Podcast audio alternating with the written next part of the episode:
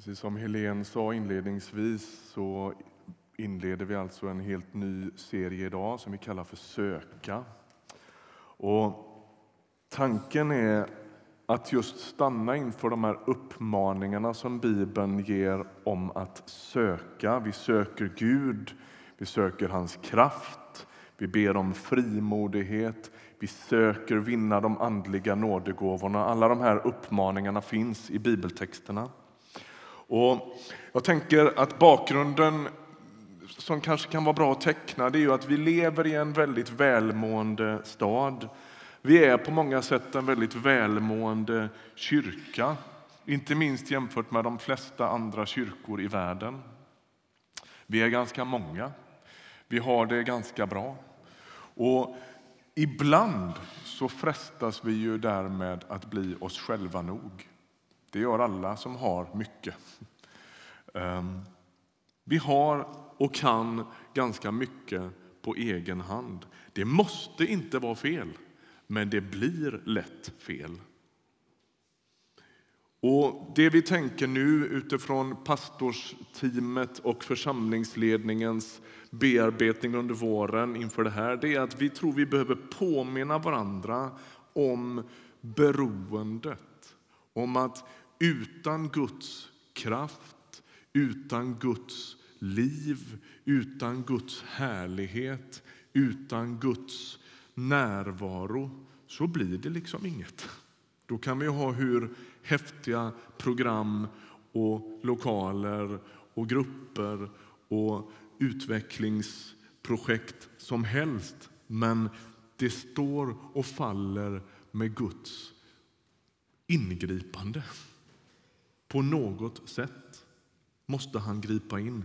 Låt oss gå först till psalm 42, en tummad och älskad bibeltext, Saltaren. Jag tänker ibland att när vi läser Saltaren och ber med Saltaren så kommer vi åt en del av våra egna djupaste grundvatten.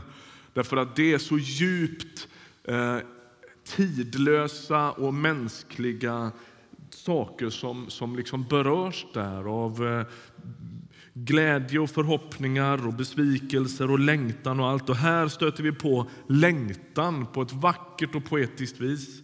Psalmisten skriver så här.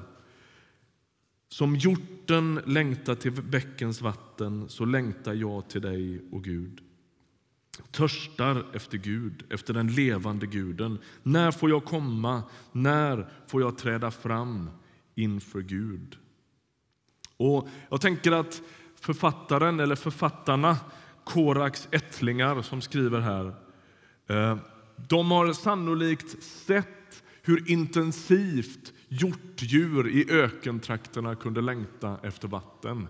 Det där var en bekant bild för alla inblandade. De lever i torra ökentrakter och, och psalmisterna har sannolikt hört när hjortdjuren flämtar efter vatten. De har sett när de vädrar på långa distanser efter vatten. Och psalmisterna känner igen sig själva i den där längtan. Det är lite så det är att längta efter Gud. Vattenfrågan var en livsavgörande fråga för hjorten. Utan vatten dör man naturligtvis. Och Guds gemenskapen var en lika avgörande, livsavgörande fråga för psalmisterna. Ibland när vi kommer in från vår hundpromenad så är hunden extremt törstig. Och Det blir så tydligt att nu är det bara en enda sak i huvudet och det är vatten. Och Han liksom bokstavligen skäller lite på mig då för han tycker det går för sakta. Och så springer han fram till den här vattenskålen och så dricker han jättelänge. Och vi skrattar ibland åt honom. Men hur länge ska han hålla på? Och det hörs i hela huset bara. Så här, hur länge som helst. Och man bara känner hur nu slocknar liksom. Nu släcker han någonting som han har varit så längtat efter. Det är ju jobbigt att gå mitt i sommaren med pälsmössa på huvudet. Ehm, så han behöver det där. Och den där längtan och den där törsten, det är goda bilder på gudslivet. Vi ska stanna lite särskilt nu, se det här som en sorts introduktion. Vi ska stanna inför en berättelse, ett kapitel i Andra Moseboks 33 kapitel. I Andra Mosebok är det ju så att vi är med om det stora gammaltestamentliga dramat när Gud för ut Israels folk ur Egypten. Ehm, och så kommer vi in när de finns ute i öknen. Det, eh, uttåget har skett och vandringen genom havet och alltihopa det där. Ehm, och bakgrunden här det är att Mose har gått upp på, på ett berg för att ta emot lagen från Gud. Ehm, och när han kommer ner då har folket gjort det otänkbara. Det står att de har gjutit en kalv av guld som de tillber. Alltså precis som hednafolken gjorde så göt man en avgudabild och så dansade man runt den där och liksom bad till den där.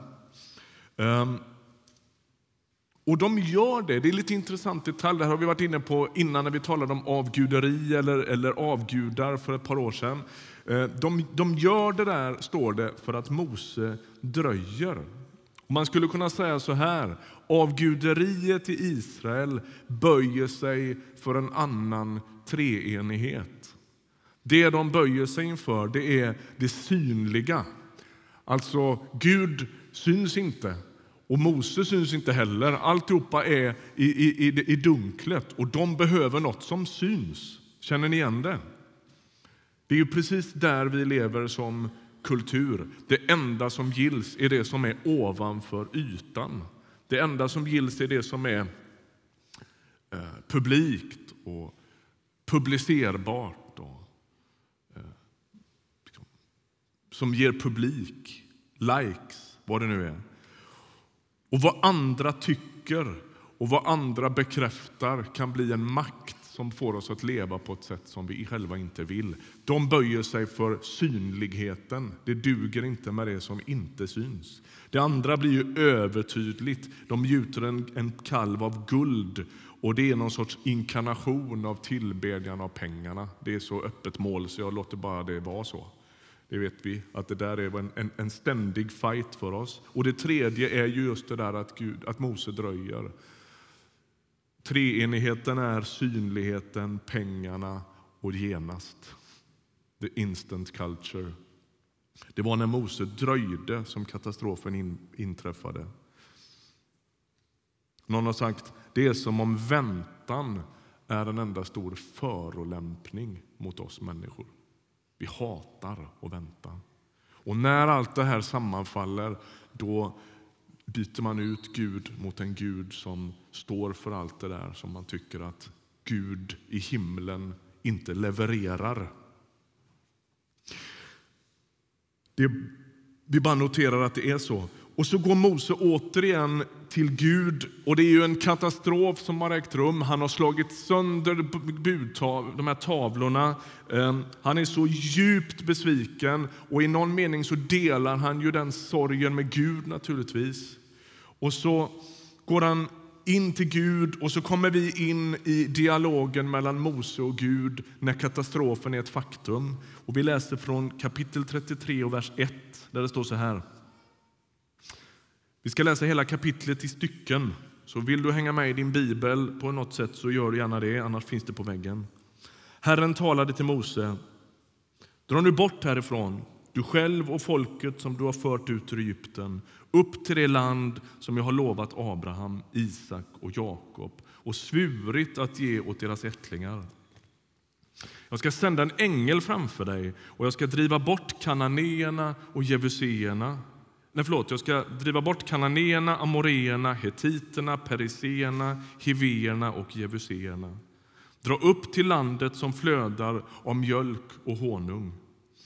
Men jag vill inte själv gå med er. Ni är ett styvnackat folk och jag kunde förinta er på vägen.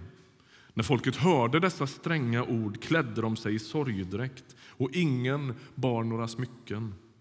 Herren sa till Mose, säg till israeliterna, ni är ett styvnackat folk. Om jag bara ett ögonblick följde er på vägen skulle jag tillintetgöra er. Lägg nu bort era smycken, sedan får jag se vad jag ska göra med er. Då tog israeliterna av sig sina smycken, var och en utan och, och var utan dem alltifrån berget Horeb. Mose brukade ta tältet och slå upp det utanför lägret ett gott stycke därifrån. Han kallade det uppenbarelsetältet. Var och en som sökte råd hos Herren fick gå, in till, gå ut till uppenbarelsetältet utanför lägret. Varje gång Mose gick ut till tältet reste sig alla och stod var och en vid ingången till sitt tält och såg efter honom tills han hade gått in i tältet. Och när Mose hade gått in sänkte molnpelaren sig och blev stående framför ingången och Herren talade med Mose. Då folket såg molnpelaren stå framför ingången till tältet reste sig alla och bugade sig djupt, var och en vid ingången till sitt tält. Och Herren talade till Mose ansikte mot ansikte, som en människa talar till en annan. Sedan gick Mose tillbaka till lägret, men hans medhjälpare Josua, Nuns son, en ung man, lämnade aldrig tältet. Mose sa till Herren, du säger att jag ska leda detta folk på dess väg, men du har inte låtit mig veta vem du vill sända med mig, fastän du har sagt att jag står dig nära och att jag har din gunst. Om du sätter värde på mig, så låt mig veta dina planer. Då kan jag lära känna dig och behålla din gunst. Och kom ihåg att folket är ditt folk. Herren svarade, jag ska själv gå med er så att du slipper oroa dig. Om du inte själv går med, sa Mose, så låt oss få stanna här. Hur ska man kunna veta att jag och ditt folk har din gunst om inte du går med oss eh, så att jag och ditt folk utmärks framför alla andra folk på jorden? Herren svarade, jag ska göra vad du ber mig om, ty du har min gunst och du står mig nära. Vi stannar där. Vers 17 är vi nu. Alltså, jag vet inte hur ofta du har varit med om såna här bönemöten, men Mose är ju med om sitt livs och tidernas bönesvar. Hörde du vad det stod i början på den här texten? Gud säger, jag kommer inte att gå med.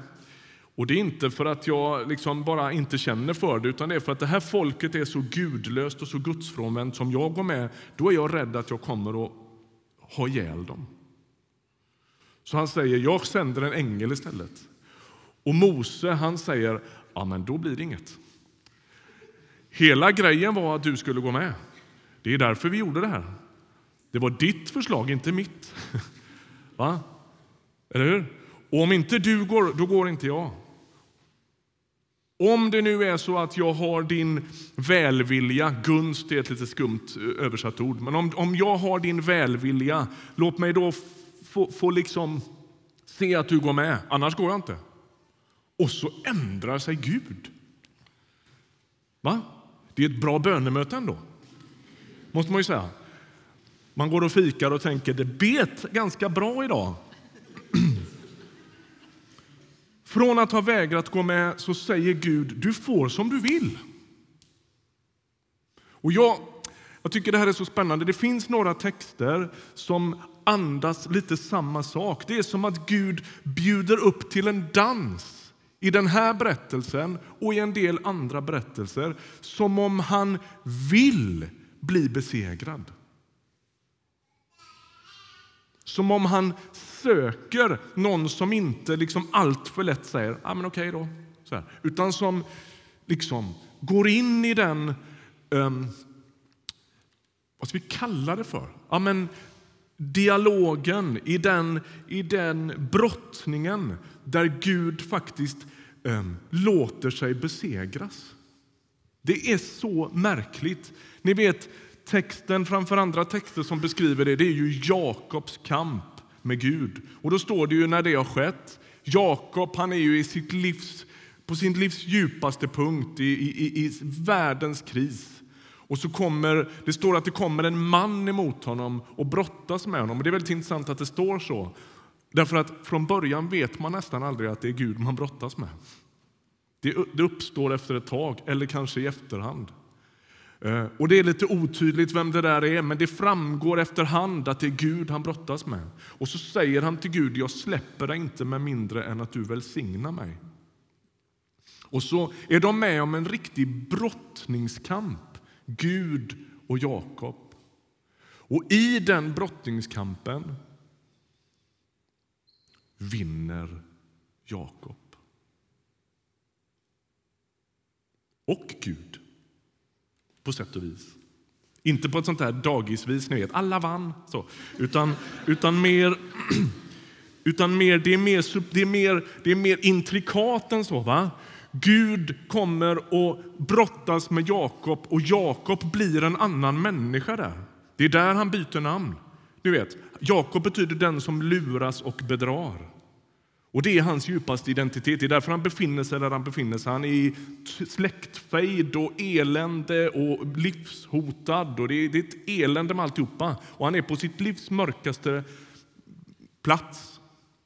Där kommer Gud till honom, brottas med honom och han går från att vara Jakob, den som luras och bedrar, till att bli Israel. Det är där Israel uppstår, i brottningen med Gud. Israel uppstår inte utifrån något smart politiskt kartspel. Det uppstår utifrån en brottning med himlens Gud.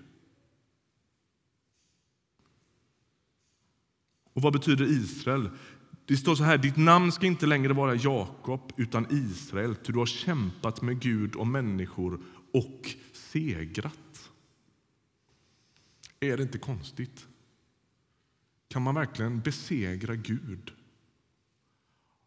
Ja, det är som om han vill det. Inte på ett sätt som om han... Um, han är inte svag. Han är inte identitetslös, men det är som att han, det sker för att den andre ska finna sin identitet. För att man ska förstå vem man är.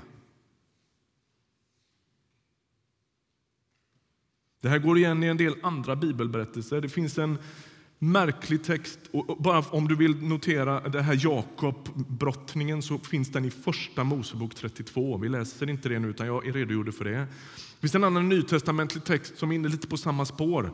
Eh, det kommer en syrisk kvinna som önskar ett mirakel av Jesus. Matteus 15 finns det. Och han avspisar henne. Han är nästan otrevlig mot henne. Och så ger hon sig inte. Och så talar hon om att hundarna vilket är judarnas uttryck för en hedning. Hon är ju en hedning, en icke-jude. Hundarna äter smulorna från barnens bord. Vilket blir någon sorts uttryck för att också hon känner igen Jesus. Också hon har glädje av Jesus, trots att hon inte är judinna. Hon förstår vem han är.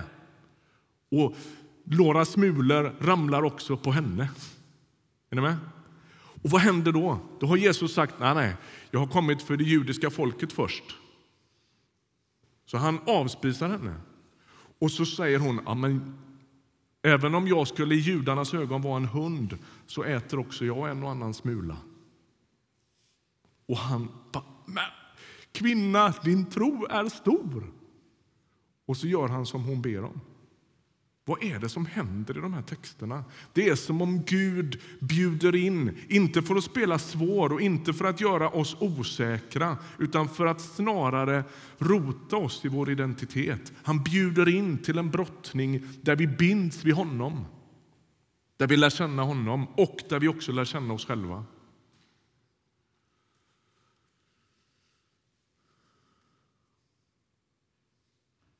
Så Mose får det han ber om. Vad gör Mose då? Man skulle kunna tänka att han går och fikar och tänker det där var inget dumt bönemöte. Det gick igenom till seger. Ska vi läsa nästa vers? Vi är på vers 18 nu. Mose sa, låt mig få se din härlighet. Han är inte nöjd. Och min spaning är den här att Mose välvilja inför Gud. Man anar i berättelserna om Mose och Gud att, att det finns en sån ömsesidighet. Det beskrivs i, i, i, i texten tidigare här hur de möter varandra som en människa talar med en annan. Det finns en sorts ömsesidig respekt i det här. Och min, min spaning är att det där har delvis med detta att göra. Mose är inte så intresserad av framgång för framgångens skull. Hans djupaste längtan är inte bunden vid Kanans land. Hans djupaste längtan är inte bunden till äventyret, till ledarskapet, till organisationen, till utmaningarna, till sin personliga utveckling, trots att allt det där naturligtvis också finns. Risken finns ju att vi ber instrumentellt. Men vi söker Gud för vi vill ha något annat. Vi ber för att. Och vi, jag tänker att vi gör det därför att vi tror att Gud är likadan. Vi kommer till Gud och tänker att han...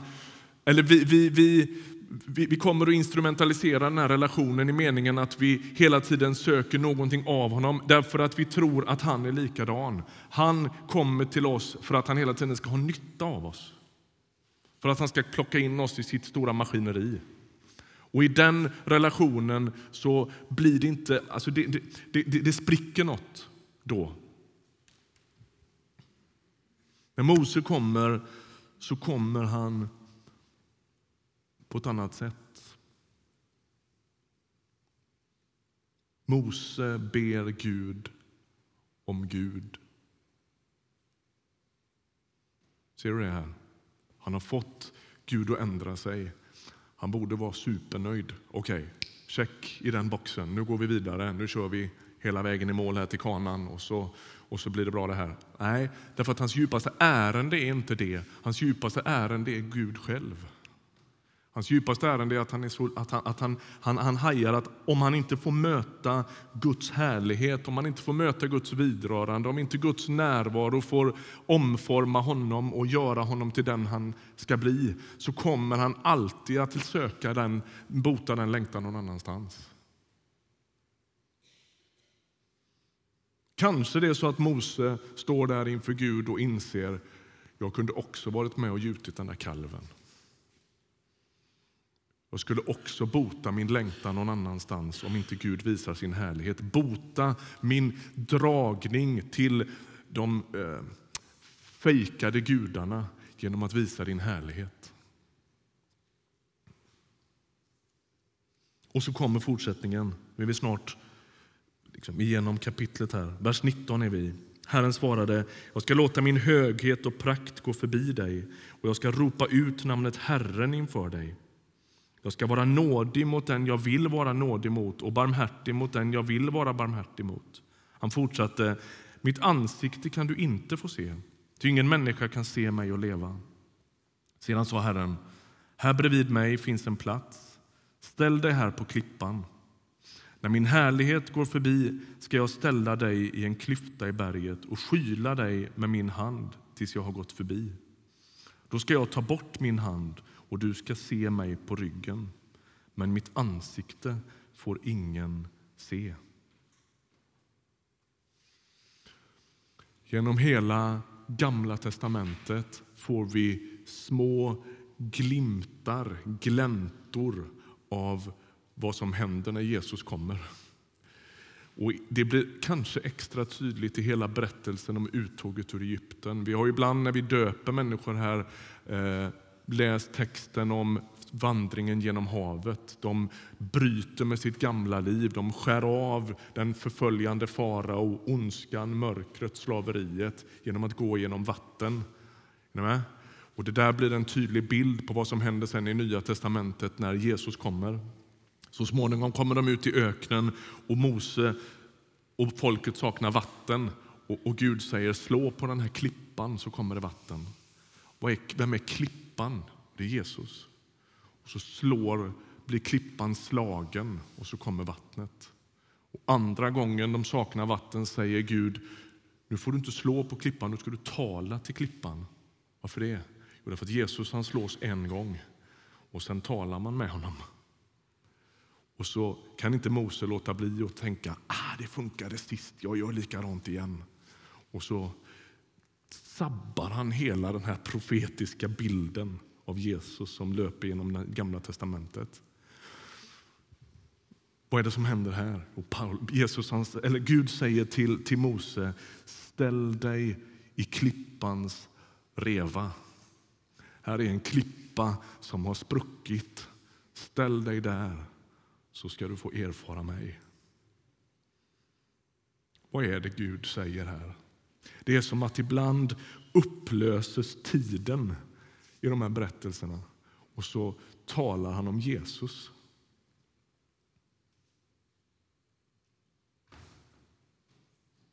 Min djupaste längtan, min djupaste törst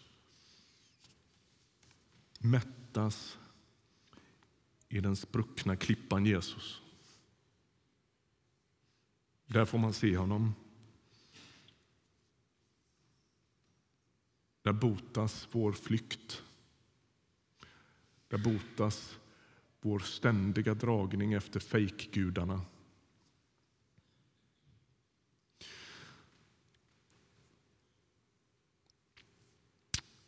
Vi har försökt att tänka så här under den här serien. Hur kan vi söka Gud?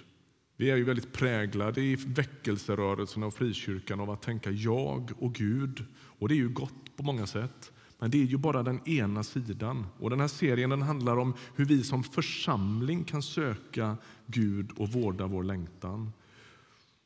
I den här berättelsen så ödmjukar sig ju folket och böjer sig inför Gud och får liksom en ny chans. Det här talet om längtan och om att söka Gud kan ju lätt skapa kramp i våra liv. Aha, nu ska man liksom skjuta den skuldran till också. Hur motverkas det? Det är nämligen inte avsikten med den här predikan. Jag tänker att allt börjar med Guds handlande i våra liv. Vi söker Gud eftersom han redan sökt oss. Sökandet är inte ett nytt prestationsprojekt där vi plockar poäng och sådär. Va? Utan det faller tillbaka på den här första texten om hjorten. Man kan inte göra annat om man har kontakt med sin törst. Om man känner sin brist och sin törst som församling, då ber man. Om man inte känner sin brist och sin törst som församling, då ber man inte. Och sökandet är alltid ett gensvar på Guds öppna hjärta. Vad har jag inte försökt säga idag? Ska vi säga något om det? Jag har inte sagt att du inte får be för dina behov. Naturligtvis ska vi göra det. Låt oss göra det mer än vi har gjort tidigare. Men inte bara, och kanske inte hela tiden. Dagens poäng är att det finns mer än så. Att vår djupaste längtan efter ett fäste, efter identitet, efter sammanhang, efter att få vila i någons blick inte botas genom någon sorts um, vad ska vi säga, ja, men bönesvar i allmänhet, hur fantastiskt det än är, utan bara kan botas med Guds egen närvaro. Jag blir befriad från makterna som liksom snärjer mitt liv genom att erfara Guds godhet, hans härlighet, hans makt, hans helighet. Avslutningsvis, hur gör man när man söker Guds ansikte? Hur ber man Gud om Gud? Ja, men först det uppenbara. Låt oss be att han ska ge sig till känna. Vi kan följa Mose exempel och säga Gud, vi vill se dig. Vi vill erfara din härlighet. Och Det andra är läs Bibeln bedjande. Det är snubblande lätt att läsa Bibeln för att skaffa argument för sin hållning och sina åsikter. Avsikten måste vara att först läsa för att lära känna honom som är bokens kärna och bokens stjärna. Fråga dig vad säger texten om Guds godhet? Vad säger texten om Guds tålamod? Vad säger texten om Guds helighet? Låt oss öva på att uppehålla oss vid en egenskap Gud har. Stanna sen i den så länge det ger smak. Och det sista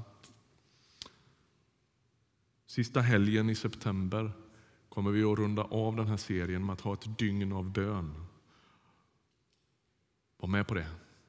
Låt oss gemensamt vara med och söka Guds härlighet, söka Guds ansikte, söka Guds kraft, söka Guds liv för vår församling. Vi behöver be Gud om Gud. Amen. Vi ber tillsammans.